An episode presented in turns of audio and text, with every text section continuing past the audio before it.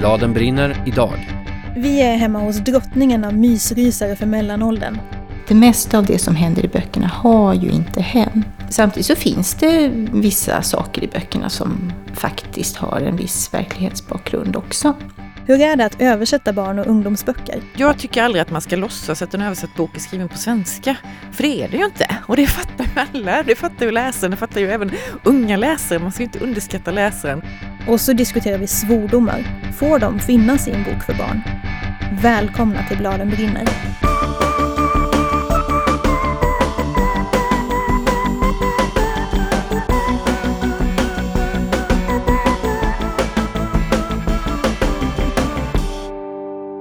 Lisa, vilken är din vanligaste svordom? I dagligt tal så säger jag nog eh, fan. Möjligtvis också shit, men jag vet inte om shit är en svordom eller inte. Mm, jag säger nog fuck och fan. Mm. När du skriver, vad använder du för någon då? Eh, också fan tror jag. Mm. Ibland också kanske jävlar. Mm. Med den här starka inledningen så säger vi jag heter Johanna Lindbäck. Och jag heter Lisa Bjärbo.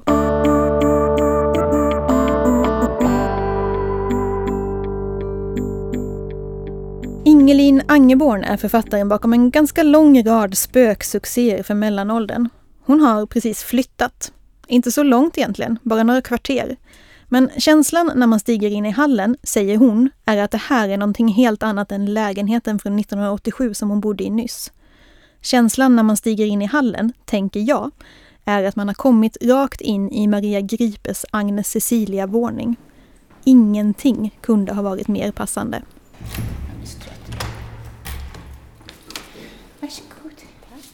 Eller välkommen. Gud vad fint. Huset är från 1911. Så det är ganska gammalt. Ja. Häftigt. Jag heter Ingelin Angerborn och nu är vi hemma hos mig. Det jag skriver tycker jag är ju någon form av mystiska, lite spännande, lite spökiga böcker. Men ändå med någon slags eh, mysfaktor liksom i. Du sa att du, du vill kalla dem för spökisar och det gör ju säkert de allra flesta, tror jag. Fast jag är lite envis så jag fortsätter att kalla dem för mystiska, spännande och lite spökiga böcker. Därför att det här med spökena, alltså på ett sätt så är det inte centralt för mig att det är spökhistorier. Utan det är mest så att det har råkat bli det. Därför att för mig så handlar böckerna mycket om eh, livet och döden framför allt kanske. Och vad som kanske eventuellt kan hända sen, efteråt. Om vi på något sätt kanske finns kvar någonstans och ja, kanske kan se våra nära och kära och kanske kan hjälpa till på något sätt eller få hjälp eller ja, inte vet jag. Men eh, det är ju någon liten förhoppning jag själv har. Att vi på något sätt finns kvar sen, efteråt. Och mm, egentligen så är det väl, det är det jag tycker böckerna, för mig är det det de handlar om. Eh, jag försöker, jag vet inte, jag tror att jag försöker trösta mig själv kanske. På något litet sätt. Som vuxen läsare är trösten det första jag tänker på när jag läser Ingelin Angeborn. Att döden inte alls är så sorglig och definitiv i hennes böcker och hur mycket jag skulle ha älskat att läsa dem som tioåring just därför. Jag skulle kanske inte ha fattat att jag blev tröstad för jag skulle väl ha läst dem för att jag tyckte att de kändes spännande. Men jag skulle ha blivit det, i smyg. Och ju mer Ingelin pratar får jag känslan av att det är det hon vill. Inte bara trösta sig själv utan läsarna också. Så som hon blev tröstad av böcker när hon var i den åldern jag var oerhört eh, förtjust i Maria Gripes böcker, de här Agnes Cecilia och Tordyven flyger i skymningen. Och på något sätt så öppnade hon eh, ett sätt att se på livet för mig som jag eh, nog inte riktigt hade känt till. Jag visste nog inte riktigt att det fanns folk som tänkte på det sättet. Så att det blev någonting nytt och oerhört eh, trösterikt för mig. För jag upplevde det som ganska jobbigt och ehm, ja, det var lite, jag ska inte säga traumatiskt, det låter ju jättemycket, men det var, ganska, det var en ganska jobbig känsla i alla fall det där liksom när jag kom på hur gammal jag nu kan ha varit, en, en sex, sju år någonstans. Och kommer på liksom att, men gud, alla ska ju dö. Jag ska dö och mamma ska dö och pappa ska dö. Jag blev jätteledsen. Det var en sån här, ja, det var en kväll. Jag kommer fortfarande ihåg liksom kvällen när jag kom på det här. Jag vet att jag ropade på min mamma och pappa och jag tror mamma kom in. Och så försökte de ju liksom att trösta mig såklart. Snälla föräldrar. Och så. Men de i sin tur hade väl inte riktigt heller, de, jag menar, de visste ju inte heller vad som händer. Och så hade de en, en uppfattning om att man, när man dör så, så är det slut.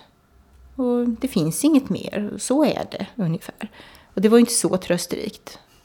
Det, det mest, de försökte väl ändå liksom göra det lite fint och säga att ja, men du vet, man kanske blir en liten blomma eller något. För man blir ju jord och så blir det en liten blomma som växer upp där. Men det räckte inte riktigt för mig, för jag ville inte bara bli en liten blomma, utan jag ville ju finnas kvar. Jag ville att alla andra som jag kände och så skulle finnas kvar. Så jag tänkte rätt mycket på det där. Och gör fortfarande, ska jag säga. Faktiskt. Jag har inte gått över än. Det är därför jag håller på att skriva de här böckerna. Den ena efter den andra. På listan över böcker som Ingelin Angeborn har skrivit finns långt ifrån bara de här mysrysarna. Hon har också skrivit en lång rad titlar utan minsta spöke i sig. Men det är med spökhistorierna som hon har nått ut brett. Böckerna heter saker som Rum 213, Sal 305, Sorgfjäril, Gengångaren, Månfågel och Tredje tecknet. Och allihop riktar sig till läsare mellan 9 och 12 år. En gemensam nämnare i dem är mystiska händelser som inte riktigt kan förklaras. Och så frågorna som de väcker hos läsaren. Är det här på riktigt? Skulle det här verkligen kunna hända? Vad ska man tro? Finns spöken eller finns de inte? Tyvärr så kan jag inte säga att jag vet att det finns. Och jag skulle önska att jag kunde det, för att jag får också rätt mycket frågor ifrån barnen som har läst mina böcker om just det. Har du varit med om det här på riktigt? Och har det här, det där som händer i den boken, har det hänt på riktigt? Och så där. Och jag, det skulle ju vara jättehärligt att kunna säga att ja, förstår du, det har det. Men så är det ju inte riktigt. Det mesta av det som händer i böckerna har ju inte hänt. Utan det är ju saker som jag har hittat på. Men samtidigt så finns det vissa saker i böckerna som faktiskt har en viss verklighetsbakgrund också.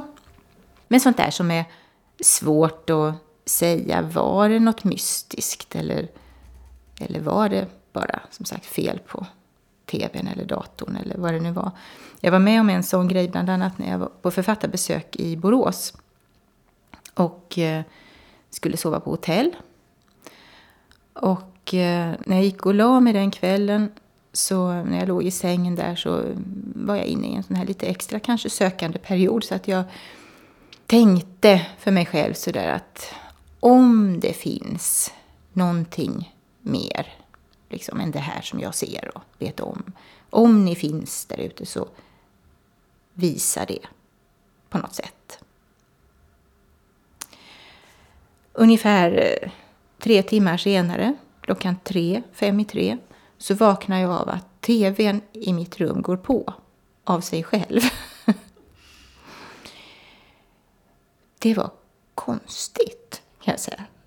Då tänkte jag att det här det här var ett tecken. Okej, nu vet jag. liksom. Verkligen alltså. Jag, jag, jag, då kände jag att ja men, ja, men då vet jag. Tack. Vad var känslan då? då? Blev du rädd? Ja, först blev, jag, först blev jag rädd. Jag sprang upp och stängde av tvn och så hoppade jag tillbaka i sängen och drog täcket över huvudet typ och tänkte hjälp. men eh, men sen, sen tänkte jag att ja, men det var ju det här jag frågade efter. Jag får ju skylla mig själv lite grann faktiskt. Och så tänkte jag att det var ju, det var ju snällt egentligen.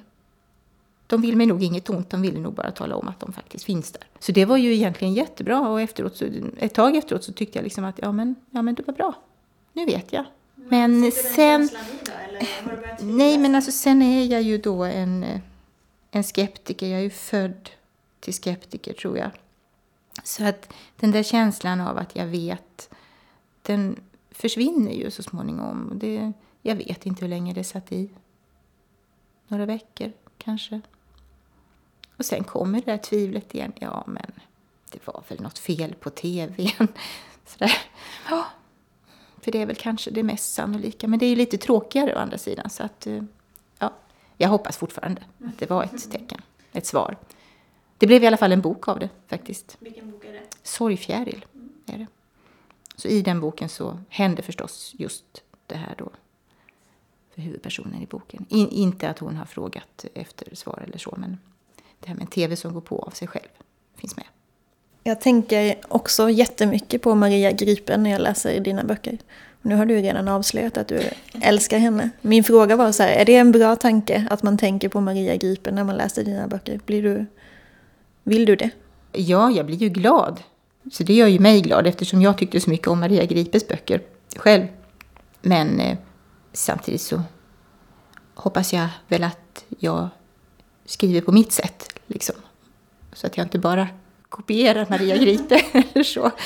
Jag har i alla fall inte läst hennes böcker sen jag var barn. Så att, kanske också för att jag liksom, jag vill ju inte kopiera på något sätt. Utan jag vill ju skriva på mitt sätt, på mitt eget sätt. Så. Men du har flyttat in i en Agnes Cecilia-våning nu, är du medveten om det? Ja, det är jag. Alltså jag har ju alltid drömt om att bo så här i en, i en sekelskiftesvåning. Och det, jag, jag, vet inte såklart var den där önskan kom ifrån. Men jag misstänker, för jag tror aldrig att jag hade sett en sekelskiftesvåning liksom, när jag var barn. Utan jag tror att den här drömmen om att få bo så kommer ifrån den boken. Det tror jag faktiskt. Har du hittat några dolda skåp? Nej, inte än. Inte än. Men vi har ju som sagt bara bott här lite drygt en månad. Så, så jag tror att det kommer. Du kommer hitta när ni renoverar så kommer det att dyka upp något från en svunnen tid som får väldigt stor betydelse för dig. Ja, det tror jag. Och så väntar jag ju fortfarande också på spökena som ska visa sig och, och så. Det där var Ingelin Angeborn som bland annat har skrivit Rum 213 som just har filmatiserats. Om man vågar se den på bio så har den premiär den 24 februari. En av de vanligaste läsarreaktionerna vi får som författare och som många andra författare vi pratat med får, det har med svordomar att göra. Ibland är reaktionen ett förvånat och lite imponerat konstaterande. Du svär ju! Ibland är det en nyfiken fråga. Varför svär personerna i din bok? Och så händer det att det är en fråga med upprördhet inbakat i sig. Är det verkligen nödvändigt att de uttrycker sig sådär i en bok för barn? Reaktionerna kommer både från föräldrar, och då speciellt när det gäller böcker för mindre barn kanske, och från barnen eller ungdomarna själva. Svordomar i text verkar vara något som folk studsar vid av en eller annan anledning. Vad tror du det är Johanna som gör att till exempel föräldrar reagerar på svordomar i barnböcker?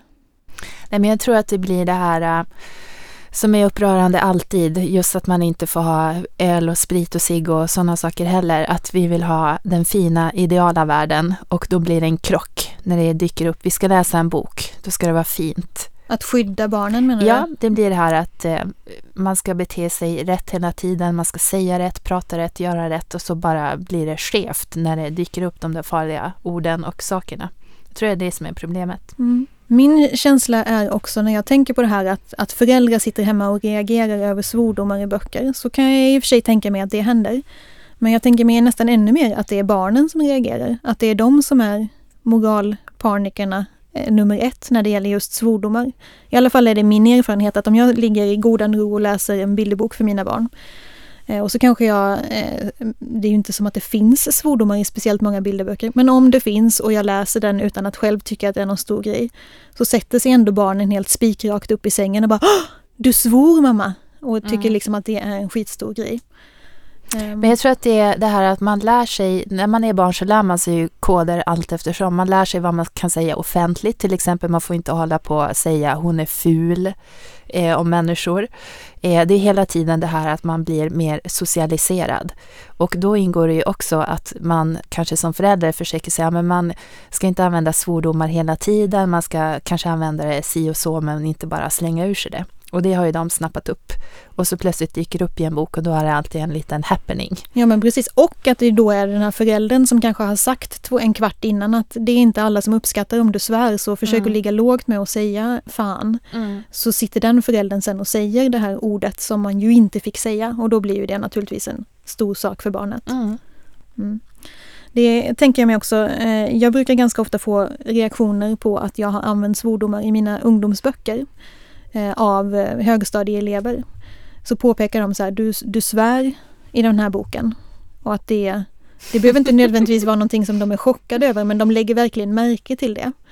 Och det har jag tänkt skulle kunna bero på också att de möter de här böckerna ganska ofta i skolmiljö för att de kanske då Skolan kanske i bästa fall har köpt in en klassuppsättning av eh, min bok för att jag ska komma dit och ha ett författarbesök. Och så har kanske till och med läraren läst vissa stycken högt i klassen. Och så har det kommit upp då en svordom i den här texten som läraren har sagt högt ut i klassrummet och det blir en så här jättestor grej för det händer inte att läraren står där framme vid katedern och svär i vanliga fall. Att det är därför de lägger märke till dem, för att det, har, det studsar i den här skolmiljön. Tror du det ligger någonting i det? Jag tycker att det, är, det kommer upp mer när det är yngre elever. För jag började skriva ungdomsböcker och nu har det varit eh, mellanåldersböcker. Och de är ju superkänsliga så där kommer det exakt alltid upp och de tycker att det är väldigt kul. Ehm, och då är det ofta just det där att deras lärare har läst. Så vid något, i en bok har jag till exempel att det är en person som säger “freeze motherfucker”. eh, han liksom citerar ett spel och då när jag var i en klass så tog eleverna upp att de tyckte att det där var helt fantastiskt för då hade ju deras lärare haft högläsning. Freeze motherfucker. Så i, de önskade vad som skulle vara innehåll i nästa bok jag skrev och då var det mycket, mycket mer sånt. Alla karaktärer säger hela tiden freeze Ja, motherfucker. nej, men jag, tänker att det, jag tycker att det är mer med yngre elever, att där kommer upp. Eh, Men jag får också den kommentaren bara, de svär så mycket i dina böcker och det tycker inte jag att de gör alls. Nej, men för grejen är ju att man ju när man... Eh, främst så förekommer ju svordomar tänker jag mig i dialog. Ja, precis. Eh, och det är ju för att man vill skriva dialog så som dialogprat låter. I alla fall vill jag det. Så att jag lyssnar ju på de här högstadieeleverna. När jag är på de här skolbesöken så lyssnar jag ju i korridorerna. Vad pratar de om? Hur, vad använder de sig av för uttryck? Hur Mm. låter de? Och de svär ju hela tiden. Så Ja. jag tycker liksom att det är så otroligt konstigt att de inte Vet de inte om själva att de svär? Eller är det extra jobbigt, konstigt att det står en svordom i en text? Det är nog det där att det står i en text och att det är någon, det vill säga författaren, som har gjort fel, så att säga, Mm. inom citationstecken. Och då vill de bara, prov, eller inte provocera, men de vill utmana genom att de ska berätta det här för en. Precis samma som att man kan få höra att det är mycket sex i böckerna. Även om det inte är mycket sex så är det också en sån där jobbig sak för dem.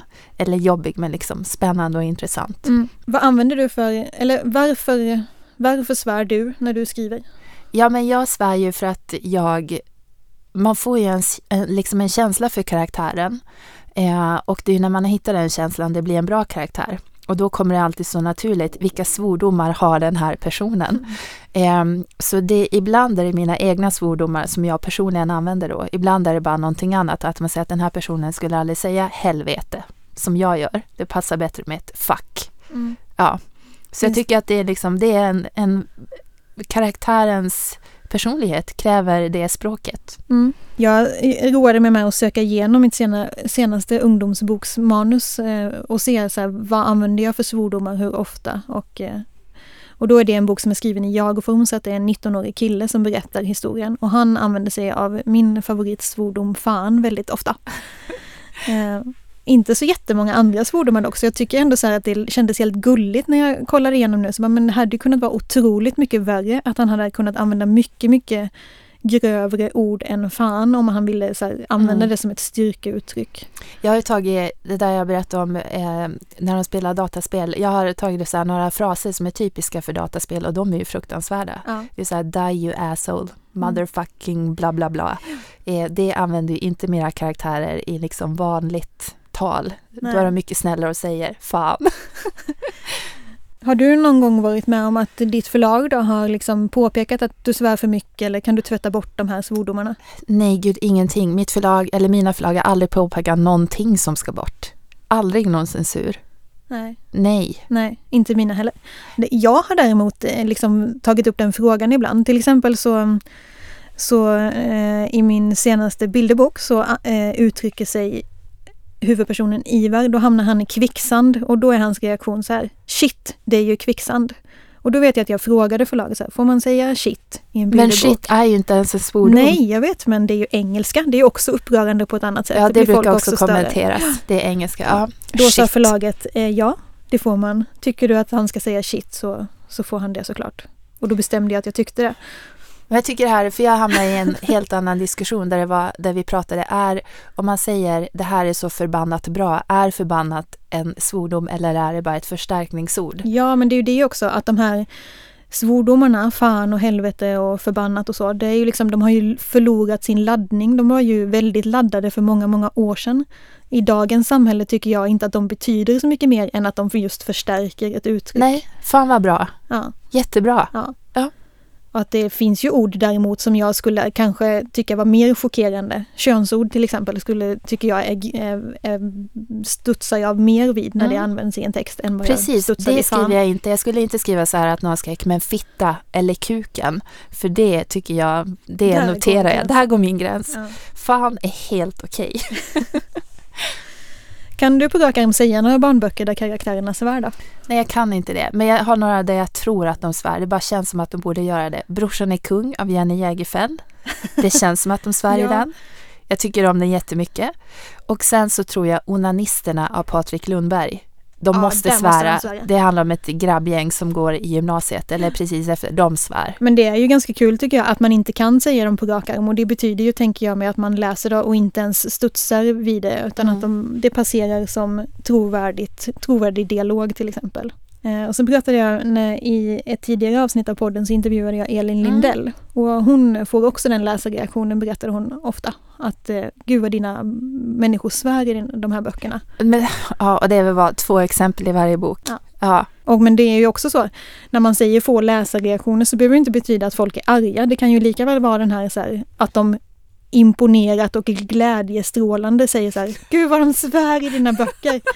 och så här, får man svära när man skriver att det är som en befrielse för högstadieeleverna till exempel? Att så här, Mm. ja men du får skriva hur du vill för det är du som bestämmer över din text. Du får använda fula ord. Bara, yes, då blir de så här helt studsiga för att de blir så glada över det.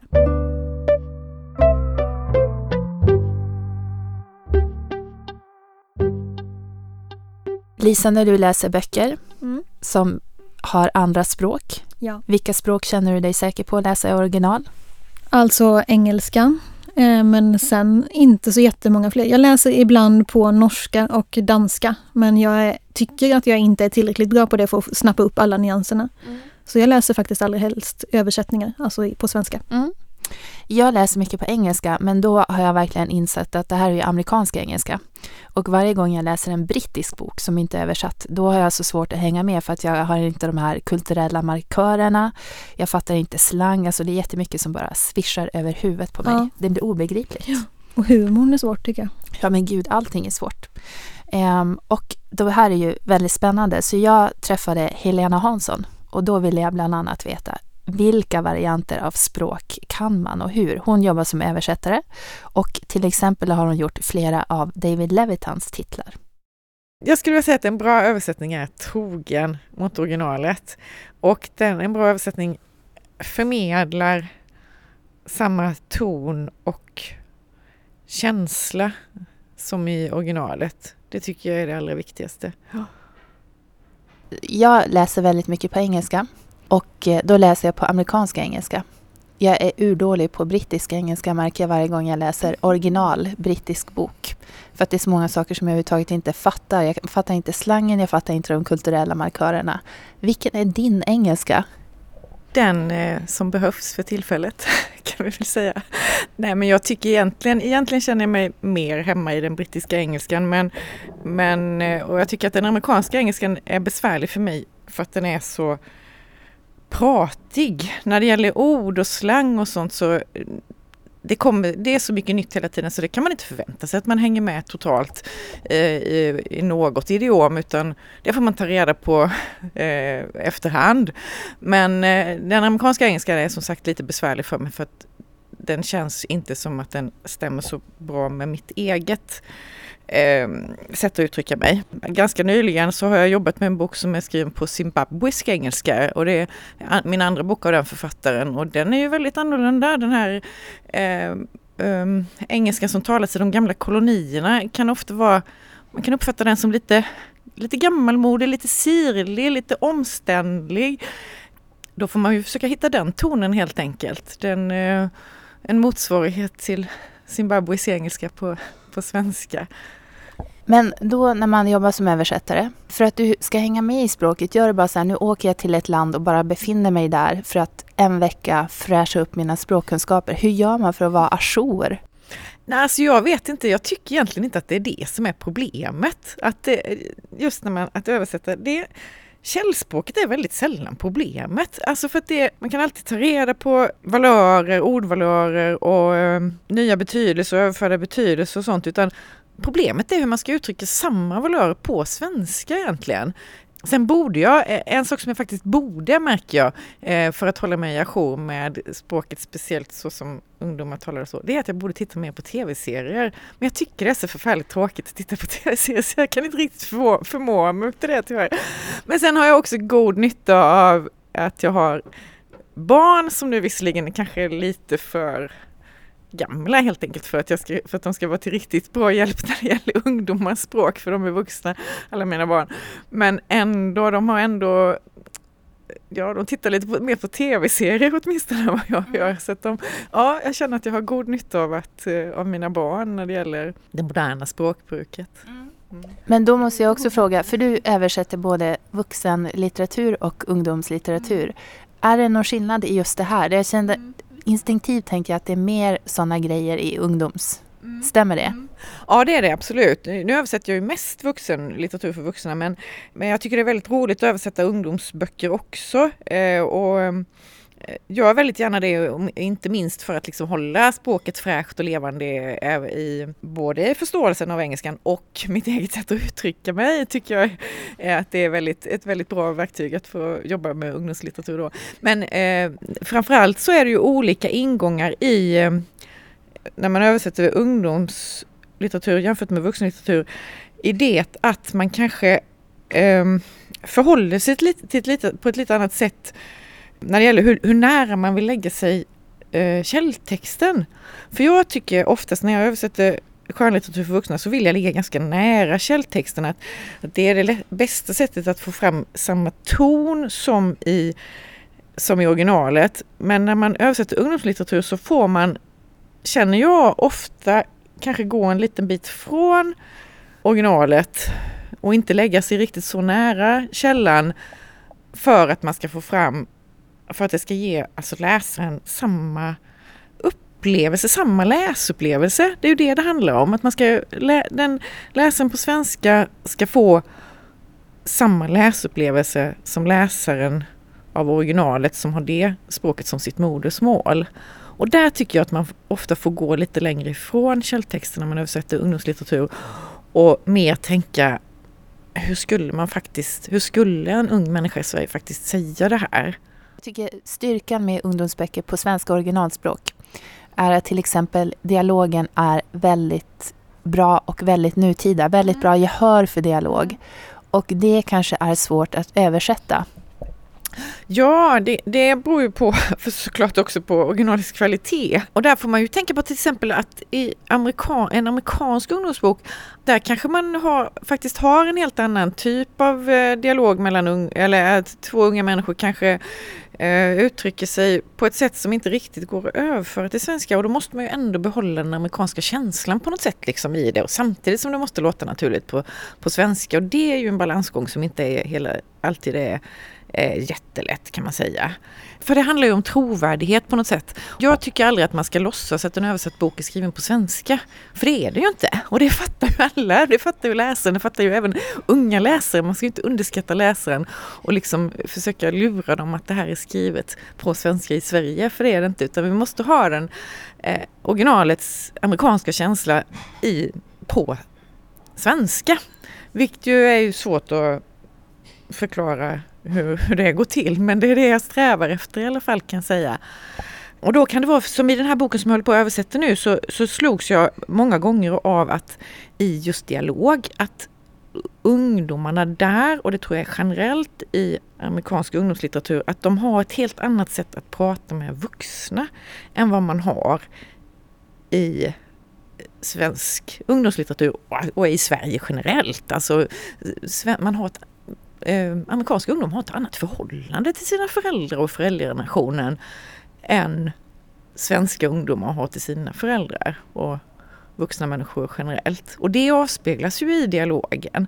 Och det kan man ju inte, det kan ju inte ändra på. Det, kanske, det här kanske, eh, på svenska så låter det här kanske inte särskilt trovärdigt så, betraktat som om vi skulle betrakta det som att det var svenska ungdomar som pratade. Men eh, det ingår ju också i, i hela konceptet på något sätt att det här, nu, nu är det amerikanska ungdomar här som pratar med sina föräldrar. Brukar du vara i kontakt med själva författaren? Brukar du eh, höra av dig för att stämma av att jag fattar det här rätt eller? Ja, det är lite olika. Ibland, eh, ibland gör jag det och ibland gör jag det inte. Ibland behövs det faktiskt inte helt enkelt utan man, jag lyckas lösa det mesta eller allt ändå. Och vissa författare vill ju inte riktigt heller faktiskt ha kontakt med sina översättare. Många författare blir ju faktiskt väldigt glada och svarar väldigt vänligt och snabbt och snällt och, och tycker det är roligt att eh, kommunicera med översättaren om, om eh, texten. Mm. mm. Så att det, det händer att jag har en del författare blir väldigt nervösa när de ska träffa sina översättare. Den här personen som har läst min text så noga. Ja.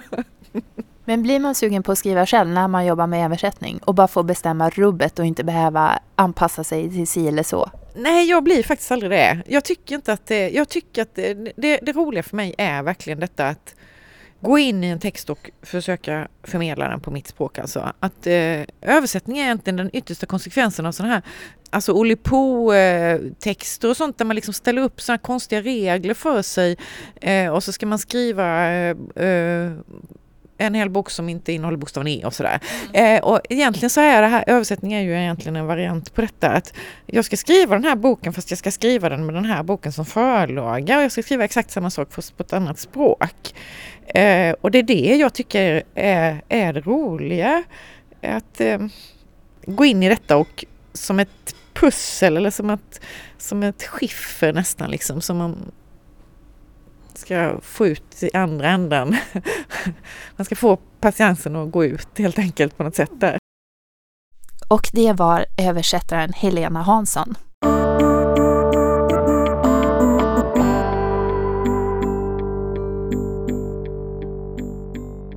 Och nu är det dags för boktips. Vad vill du tipsa om den här gången Johanna? Jag fortsätter på Helena Hansson-spåret mm. och tipsar om Världens viktigaste kyss som David Levitan har skrivit och som hon har översatt till svenska. Och det här är, är en liten kortis, den är 196 sidor fast den tar upp hela Torka aldrig tårar utan oh, handskar. Den, det. den här handlar om Harry och Craig som är två tonårskillar. De bestämmer sig för att slå världsrekordet i längsta kyss det är 32 timmar.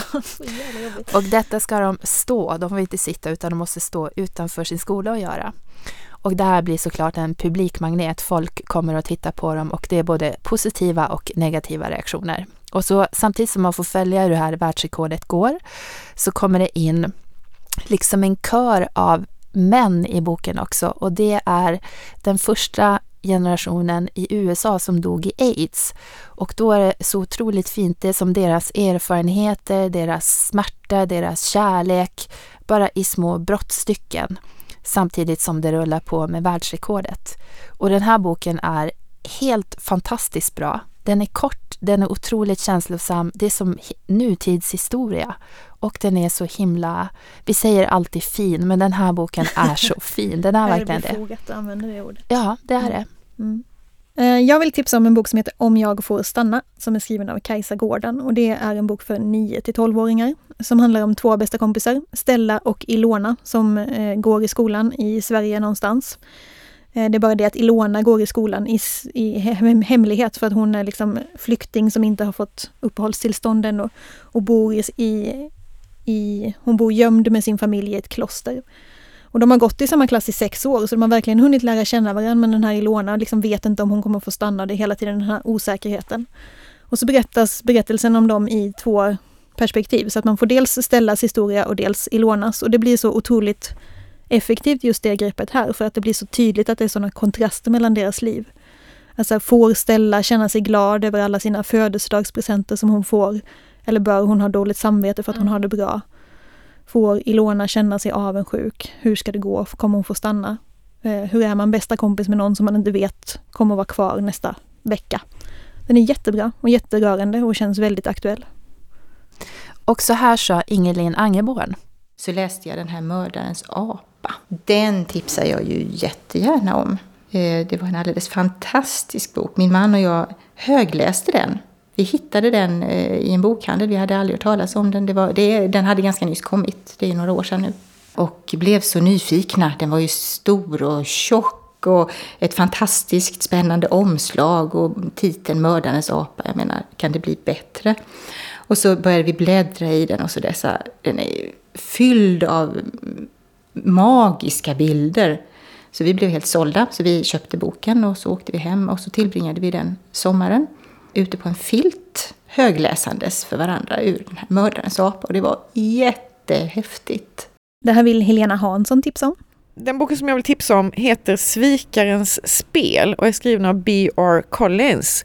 Eh, och jag tycker mycket om den för att den är en väldigt fin beskrivning av vänskapen mellan två pojkar och också en hemsk och gripande berättelse om svek och om kärlek och trofasthet.